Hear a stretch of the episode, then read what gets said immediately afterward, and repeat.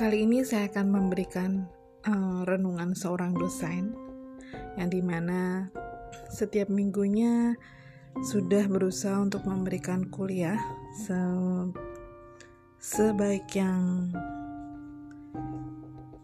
bisa dengan cara mungkin bikin slide sebagus mungkin untuk kalian bisa pelajari di rumah.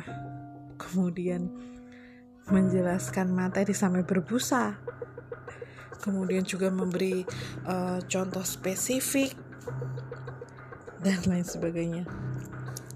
Terkadang mahasiswa bilangnya sih paham kalau di kelas. Apalagi kalau sekarang zamannya uh, tidak lagi tatap muka.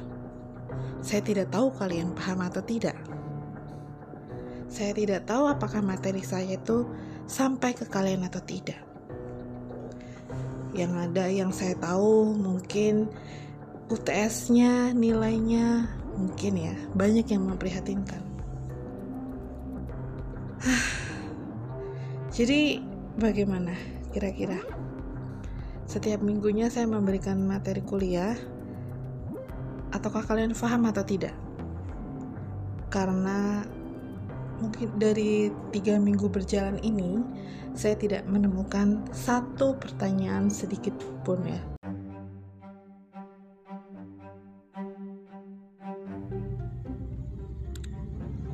Uh, kamu kalian bisa memberikan feedback seperti biasanya. Saya tunggu bisa memberikan pemikiran, ide, opini, kritik, saran, pengalaman, pertanyaan, atau hanya uh, mengungkapkan bagaimana perasaan kalian setelah mengikuti kuliah ini itu akan sangat berarti bagi saya daripada hanya diam diam saja dan kemudian tidak ada komentar satupun setelah saya kuliah. Terima kasih.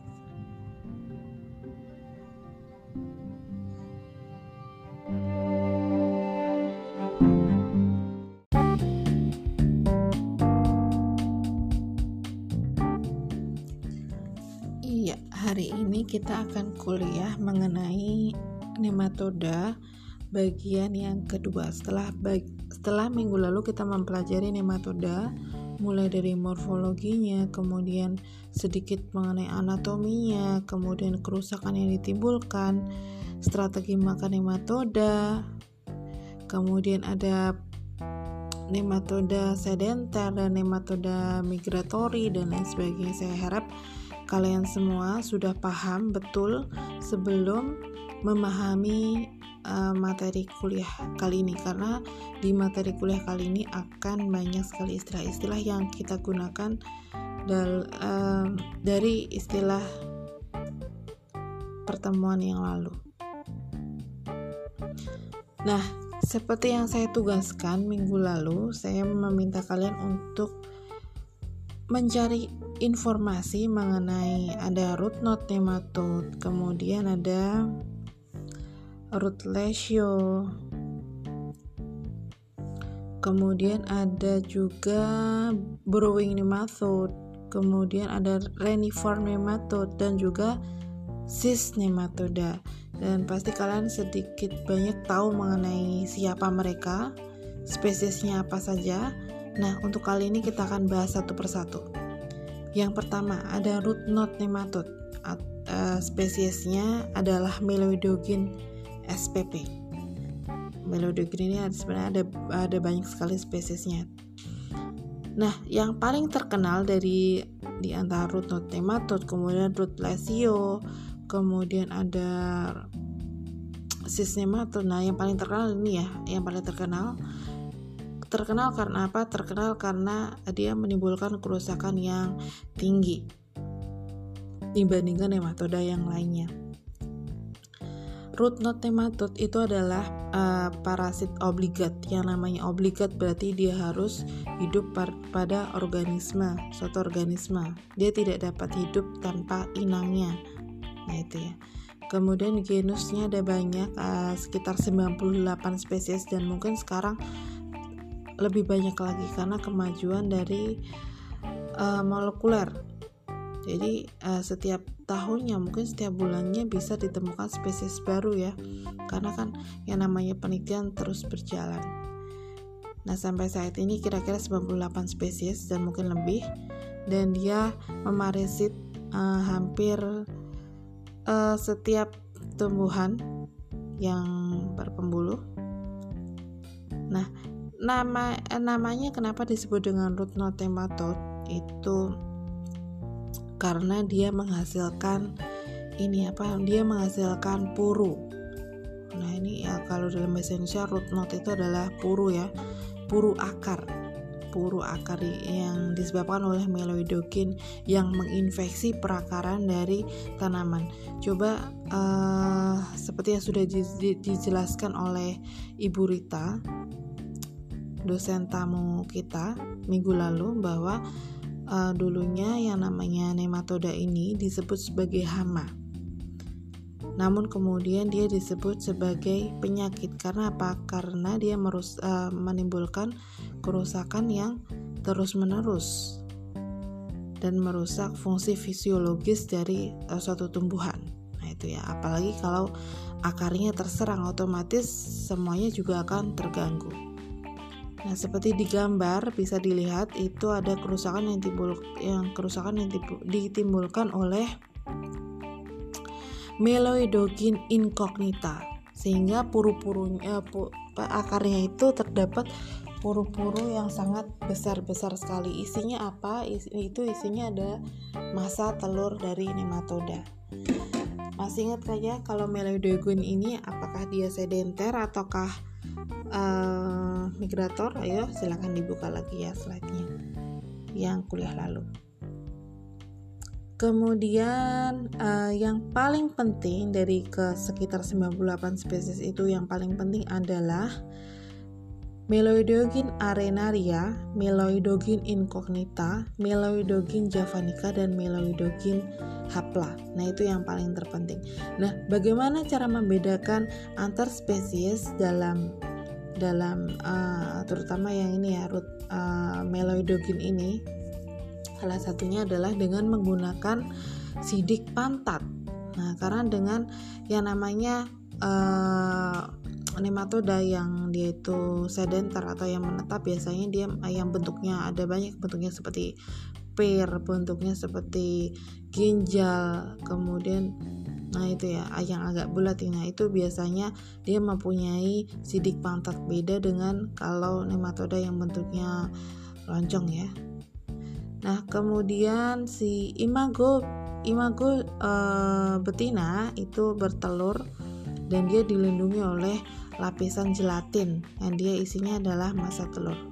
Nah masa telur tersebut ditemukan di daerah akar dan tertanam di dalam suatu puru atau jaringan tanaman. Dan uh, berapakah jumlah uh, masa telur yang ada di situ? Bisa lebih dari seribu telur dalam satu uh, puru. Nah, seperti yang kalian ketahui ya, yang namanya nematoda itu kan uh, apalagi nematoda parasit tumbuhan itu kan ada banyak, ada banyak juga di tanah. Kemudian ke, gejalanya bagaimana? Dia gejalanya adalah pertumbuhannya itu kerdil, kemudian mungkin juga pasti akan layu karena sistem perakarannya juga akan terganggu. Kemudian daunnya terdiscoloration itu warnanya berubah, deformation itu berubah bentuknya juga. Nah, deformasi dari akar berubah bentuk akarnya. Biasanya akarnya itu lebih uh, lebih ada purunya atau ada benjol-benjolnya dan sedikit stapi atau dia tuh pendek dan gemuk gitu. Dan biasanya gejala yang ditimbulkan oleh nematoda itu dia ada patch-patch tertentu atau ada eh, bagian-bagian uh, tertentu di suatu lahan. Nah, tidak semuanya ya biasanya di bagian-bagian tertentu saja. Dan apakah bisa menyebabkan kematian? Tentu bisa apalagi yang namanya tanaman itu kan yang diserang. Eh, tanaman itu tidak hanya mengalami gangguan dari nematoda saja. Tanaman itu juga mempunyai gangguan dari hama dari penyakit yang lain. Dan ada banyak sekali. Dan hama pun juga tidak hanya satu dua mungkin banyak. Lanjutnya uh, setelah root node nematode ada root lesio. Oke, okay. root lesio ini ada banyak sekali spesiesnya. Di situ disebutkan ada 60, mungkin ada lebih dari 60 spesies. Dan kalian harus hafal satu persatu ya untuk biasanya kalau misalnya sistematot itu uh, spesiesnya apa, root lesio itu spesiesnya adalah misalnya Pratylenchus gitu. Jadi harus diingat Pratylenchus itu merupakan spesies yang menempati urutan ketiga setelah root node nematode dan cis nematoda dan ini yang terkenal nomor tiga setelah uh, nematoda puru akar kemudian dan juga nematoda sista cis nematode. Karena uh, kenapa ada ranking uh, tiga ranking tertinggi itu? Karena ya itu impactnya terhadap uh, pertanaman itu lebih besar daripada jenis nematoda yang lainnya. Kemudian spesiesnya ada apa saja? Misalnya ada spesies dari Pratylenchus penetrans, Pratylenchus neglectus, Pratylenchus diae, Pratylenchus coveae dan lain sebagainya. Dan dia polifag, berarti dia makan uh, banyak uh, jenis sub tanaman dan juga mungkin bahan-bahan organik tanaman ya. Dan dia migratory nematode yang namanya migratory pasti dia berpindah sehingga dia mobile. Yang sebelah kanan itu adalah gambar dari Pratylenchus dia uh, migratory. Biasanya kalau migratory itu bentuknya seperti cacing ya betul.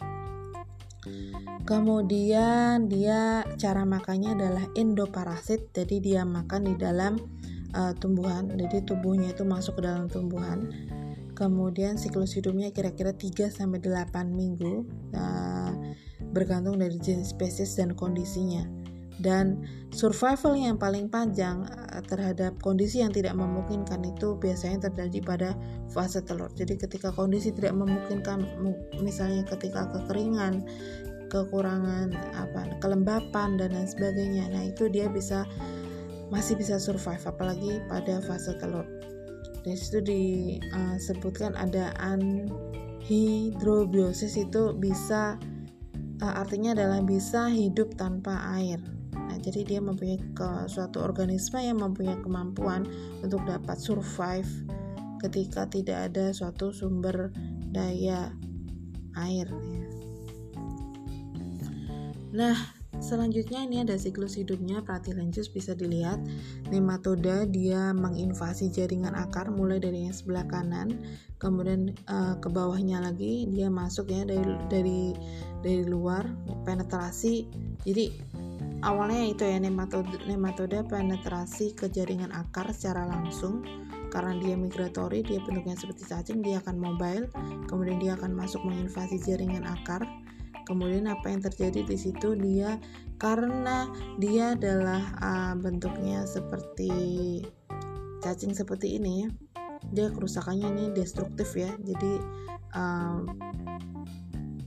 apa mem membentuk kerusakan ada jaringan tanaman menginvasi jaringan tanaman sehingga dia mungkin kecoklatan warnanya Kemudian di situ selain dia sinematodanya makan, dia juga bereproduksi di situ, memperbanyak diri. Kemudian uh, dia juga menginvasi jaringan-jaringan uh, lainnya dalam suatu tanaman, misalnya jaringan kortikal.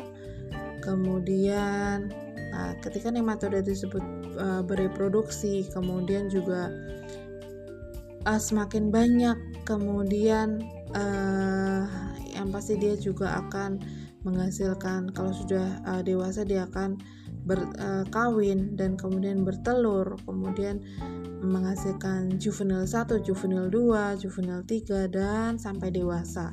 Sehingga kemudian dia akan menginvasi akar kembali. Jadi apalagi yang akar-akar muda ya.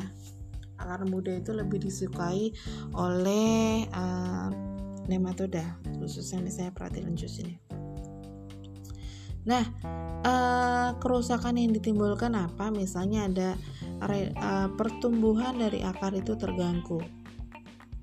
Nah, karena ada lesio tadi ya, lesio itu seperti yang ke kematian jaringan, nekrotik, uh, kematian, nekrotik, uh, nekrosis, bisa seperti bercak, kemudian kecoklatan dan juga jaringannya mati dan biasanya uh, di adanya pratilencus ini nematoda yang uh, menginvasi akar ini juga diikuti dengan adanya uh, serangan lainnya. Misalnya serangan dari bakteri ataupun cendawan.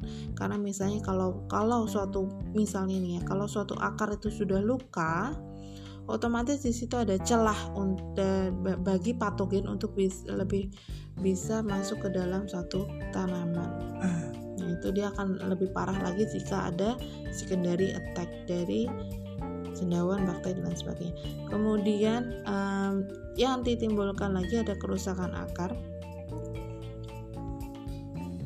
Kemudian juga pasti akan lebih rentan ya terhadap uh, air kemudian dia menghasilkan stunting dan yellowing kerdil menguning ya, rata-rata seperti itu ya memang kalau untuk gejala penyakit itu hampir mirip-mirip. Kemudian ya, akar yang terinfeksi biasanya dia warnanya berubah dan juga pendek gemuk nah, itu biasanya. Dan infeksi bisa terjadi pada keseluruhan akar. Ya ini kalau di tanaman gandum yang di sebelah kanan itu yang terinfeksi oleh Platylenchus spp nah itu uh, ada patch patch tertentu ya. Ada ada atau ada namanya bagian-bagian tertentu yang diserangnya. Oke okay, kemudian kita lanjut ke Rhodopolus Radopulus ya selanjutnya. Namun sebelum kita ke Radopulus kita kita santai sejenak dulu. Kita dengarkan yang satu ini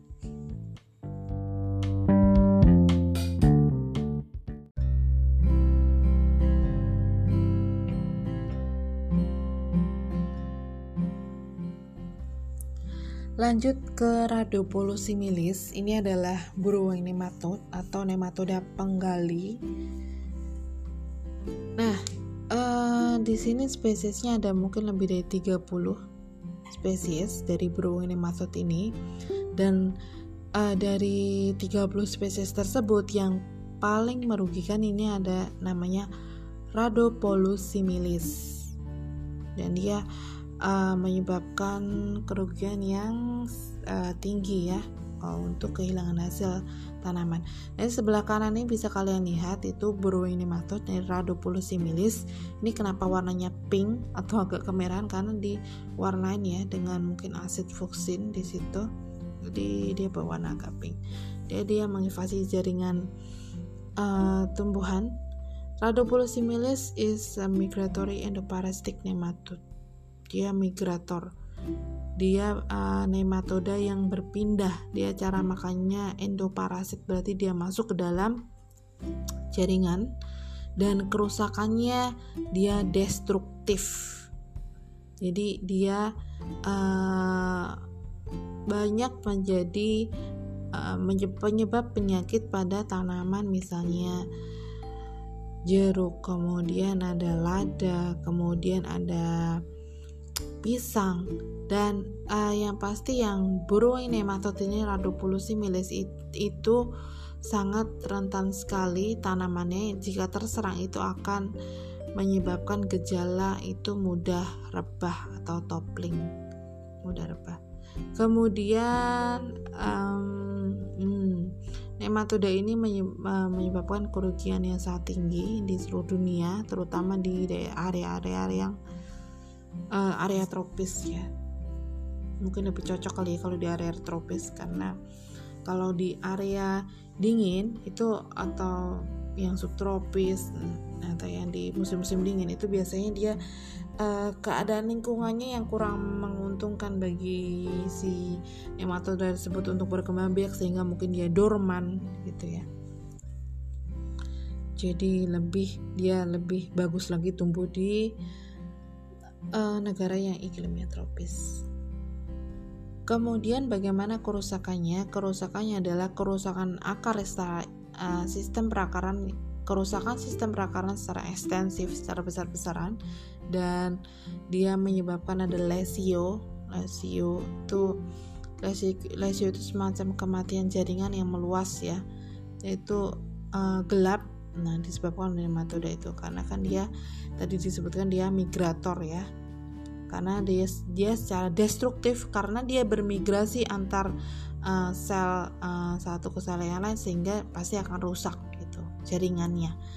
Lalu dia juga menyebabkan kerusakan pada akar yang disebabkan oleh secondary bacterial or fungal infection. Sama ya seperti yang tadi, jadi dia mampu menyebabkan kerusakan jaringan apalagi jika dia uh, sudah akarnya rusak sehingga patogen yang lain akan sangat mudah masuk sehingga sistem perakarannya itu akan menjadi lemah dan akan rentan uh, untuk dia terguling atau rebah atau toppling.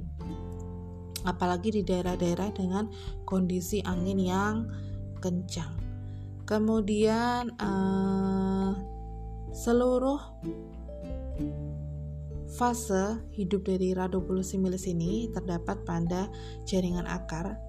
Dan, dan nematoda ini biasanya menginfeksi itu mulai uh, di dekat uh, pra, ujung perakaran dan dia menggali uh, atau dia ya jalan terus ya namanya nematoda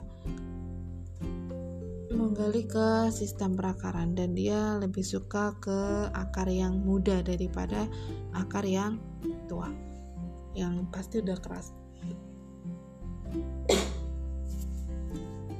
Lanjut ada reniform nematode ini adalah uh, dia reniformis bentuknya mungkin seperti ginjal.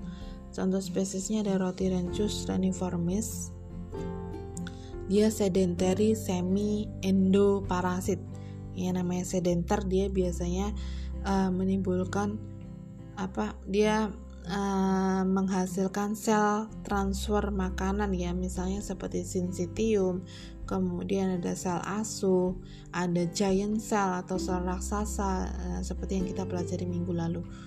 Dan dia menjadi uh, apa namanya spe, apa penyakit penting uh, pada tanaman-tanaman baik itu tahunan maupun uh, tanaman setahun kemudian roti Ronsus reniformis oke okay.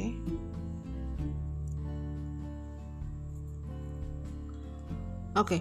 ada spesies lain namanya roti lencus um, parvus yaitu juga patogen yang sangat uh, signifikan sekali untuk meng, me, apa, menyebabkan kerugian hasil pada tanaman dan kerusakan yang dihasilkan oleh Rotilensis reniformis itu dia tersebar di seluruh area atau di seluruh uh, dunia ini ya baik tropis ataupun subtropis.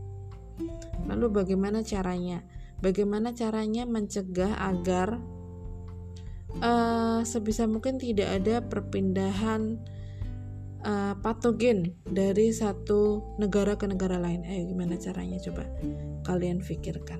Jangan saya terus yang disuruh mikir ya. Coba kalian harus membuka wawasan gimana misalnya untuk menghindari agar patogen-patogen yang belum ada di Indonesia misalnya. Belum oh sorry, belum ada eh ya, belum ada di Indonesia kemudian jangan sampai masuk gitu patogen yang ada di luar negeri itu. Kemudian Rhiniformis nematode ini bentuknya seperti yang sebelah kanan itu, dia di, diwarnai dengan asid fusin. Ini betinanya, betinanya, betinanya dia bentuknya seperti ginjal. Um, kemudian, oke, okay. dia host range-nya atau kisaran inangnya atau host range itu banyak sekali tanaman yang bisa diserang bisa sampai 350 spesies tanaman ya. Tidak hanya jenis sayuran kemudian ada buah kemudian ada tanaman hias bahkan juga gulma. Itu juga uh, tanaman-tanaman tersebut akan mensupport atau akan mendukung populasi nematoda. Uh, kehadirannya dalam uh, inang jadi apalagi yang gulma ini ya itu juga menjadi inang alternatif bagi si Rhotilensis reniformis ini jika inang utama tidak ada. Tidak masalah karena dia bisa hidup di tanaman gulma. Kemudian sehingga mungkin pengendaliannya juga akan perlu ekstra kita pikirin lagi nih bagaimana cara mengendalikan si Rhotilensis reniformis ini. Kemudian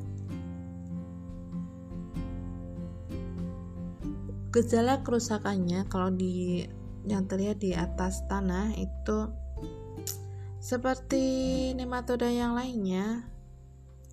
Jadi mirip uh, defisiensi nutrisi dan kekurangan ini ya apa namanya kekurangan kelembapan ya. Tidak akan jauh dari um, saya perakaranya terganggu kemudian menguning kemudian pendek kemudian ada patch-patch tertentu dalam suatu lahan jadi mirip-mirip Kemudian ini yang uh, cis nematod ini yang terkenal kedua setelah setelah apa tadi ya? Yang pertama itu Meloidiogin tadi ya. Hmm, root knot nematod. Ini cis nematod. Spesiesnya ada Heterodera dan ada Globodera. Nah ini cis nematod ini adalah obligat uh, sama dia harus hidup uh, dalam inangnya. Dan dia uh, dia penting karena apa? Karena kehilangan yang ditimbulkan itu sangat tinggi sekali. Dan yang uh, salah satunya yang paling merusak itu adalah soybean cyst nematode Heterodera glycins kemudian juga ada Globodera, Globodera pallida dan Globodera rostosiensis Nah, kemudian kalau yang Heterodera avenae dan Heterodera Philip JV itu adanya di banyaknya di luar dan kalau yang di kita itu tidak kalau di Indonesia itu yang paling yang paling parah itu ada Globodera rostosiensis, Globodera pallida dan Heterodera glycins. Kemudian kehilangan hasil dari nematoda sista ini tergantung dari kondisi lingkungannya. Dan bisa kehilangan hasilnya bisa sampai 90%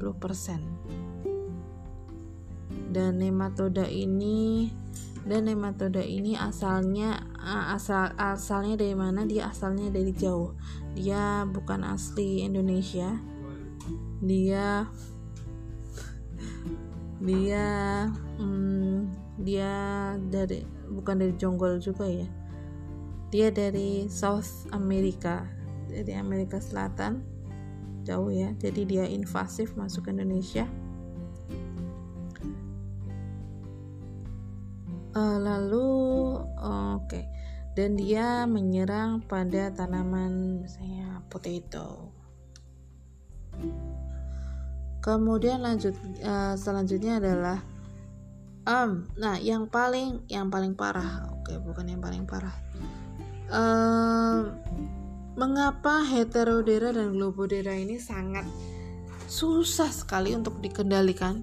Sampai sekarang pun kita uh, sangat kewalahan sekali apalagi di perkebunan-perkebunan kentang yang ada di Dieng seperti yang sudah dijelaskan oleh Ibu Rita minggu lalu ya mengenai uh, kasus adanya uh, nematoda sista pada tanaman kentang yaitu adalah globodera ini sangat susah untuk dikendalikan karena apa karena si nematoda zista ini dapat survive di dalam tanah itu bisa sampai 20 tahun. Nah, itu jadi pengendaliannya itu akan sangat susah baik itu secara eradikasi, eradikasi itu pembersihan ya. Itu disebutkan di, di disebutkan di situ almost impossible. Jadi oke, okay, kita akan pikirkan lagi bagaimana cara pengendaliannya. Dia memproduksi sensitium. Sudah tahu kan sensitium? Um, salah satu sel transfer makanan karena dia ini adalah sedenter. Ada yang sedentarnya yang sebelah kanan nah itu ada sincitium nah, yang sebelah kanan yang atas itu ada sincitium yang dihasilkan oleh nematoda sista kentang nah, nah itu ya. Uh, yang ada di perakaran kentang. Kemudian yang di bawahnya itu ada nematoda sista dengan uh, masa telur yang sangat banyak sekali. Yang dia di situ akan uh, muncul juvenil-juvenil baru. Ya yang perlu diingat adalah juvenil 2 itu dia berganti kul uh, dia ayo berganti kulit di dalam uh, apa ya masih di dalam cangkangnya ya dari C1 yang kemudian dia akan jadi dewasa Kemadu, kemudian ini nematoda sista kentang eh, itu main parasit parasit utama pada tanaman kentang. Nah, itu saya jelaskan tadi dapat survive lebih dari dapat survive lebih dari 20 tahun. Apalagi dengan yang namanya uh, in, dia berinteraksi dengan patogen kentang yang lainnya sehingga kerusakan yang timbul itu sangat uh, bisa parah sekali ya, bisa sampai gagal panen. Seperti uh, contohnya uh, yang sudah link dari video yang sudah saya beri adalah um, di Irish itu ada potet apa tanaman kentang yang terserang Phytophthora infestans. Nah, itu ya. Nah, silahkan dipelajari lagi di video. Gejalanya apa? Gejalanya misalnya ker, uh, kerdil kemudian klorosis kemudian menguning kemudian layu pada siang hari dan sebagainya. Kemudian perakaran juga akan berkurang ke dan ada nematoda sista nematoda sista yang dia bentuknya ada warnanya agak kekuningan kecoklatan berkilau. Nah di perakaran ya biasanya uh, perak uh, di umbinya itu agak itu ya agak rusak ya dan agak ada lekuk-lekuk kecil. Jadi nanti tolong kalau kalian beli kentang juga dilihat ya apakah mulus ataukah itu ada uh, kelihatannya buruk itu bisa jadi tanda tanya kalau buruk ya. Oke okay, um, sesi selanjutnya adalah uh, kita mempelajari gejala melalui foto saya akan guide ke kalian untuk mempelajari mempelajari materi ini satu persatu. Kita menghela nafas dulu sejenak. Kita ambil minum atau kalian boleh pergi dulu tapi jangan jauh-jauh ya nanti balik lagi. Ya,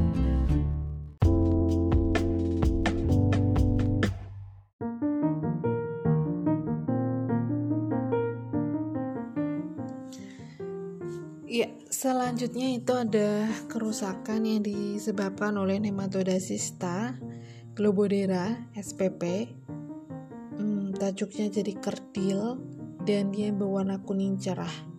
Nah, itu dia ada patch-patch tertentu dalam suatu lahan. Oke, selanjutnya ada nematoda sista kentang. Di situ juga dia ada bagian yang agak menguning dan kerdil di tengah itu ya, yang di dekat pak taninya itu. Nah, kemudian uh, yang sebelah kanan itu adalah gambar dari nematoda sistanya dan kalau di, dilihat di bawah mikroskop itu dia bisa diidentifikasi melalui sidik pantat. Gejala dari NSK penyebarannya uh, dia dari penyebaran di tanaman cenderung berkelompok. Yang tadi sudah dijelaskan dia membentuk patch-patch tertentu. Kemudian kerdil menguning di perakaran ditemukan sista. Udah lanjut. Nah um, oke okay, selanjutnya ada Globodera rustosiensis ya warnanya agak kuning kemasan. Kemudian yang C itu ada Globodera pallida. Nah ini biasanya sangat kecil sekali. Um, di uh, hanya bisa dilihat menggunakan mikroskop. Cuma ada beberapa spesies yang bisa dilihat uh, kasat mata ya walaupun sangat kecil sekali. Nah ini identifikasinya identifikasi nematodanya uh, contohnya Globodirostosensis sidik pantatnya seperti itu kalau Globodira pallida seperti itu ya. Jadi ini uh, bagaimana untuk kita melihat sidik pantat ini harus dilihat di bawah mikroskop. Kemudian ini ada kerusakan yang disebabkan oleh ditilencus endoparasitik migratory nematode jadi dia migratory. Kerusakan yang ditimbulkan oleh serangga yang migrator itu adalah kerusakan destruktif. Dia kematian jaringan. Sehingga di situ si umbinya akan busuk. Kemudian ini ada endoparasit sedentary nematode yang namanya sedentar berarti dia menetap. Menetap contohnya adalah Meloidogen incognita. Dia menyebabkan puru akar sehingga ada benjolan-benjolan. Nah itu ya nah itu apakah apakah uh, benjolan-benjolan itu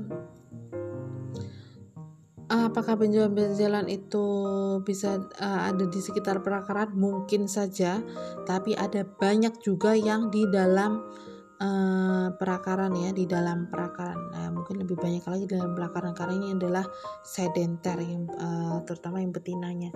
Jadi kalau yang jantannya biasanya kalau yang jantan dia migrator lanjut apalagi kalau kalian menemukan kentang yang bentuknya burik seperti itu tolong ya itu jadi jadi tanda tanya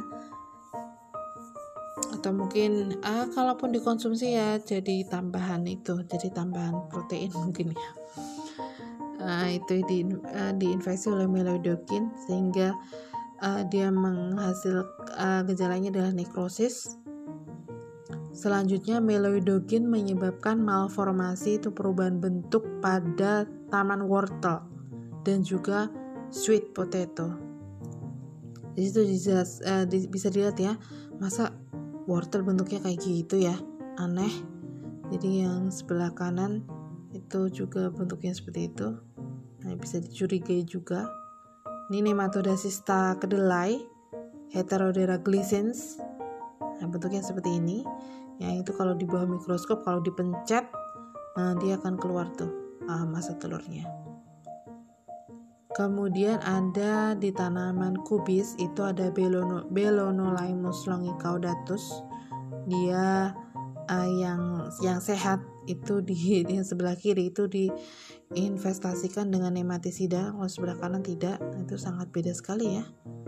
Jadi sangat berpengaruh sekali ada nematisida tanaman layu, tanaman bit terserang nematoda sista dan uh, gejalanya ada layu pada siang hari.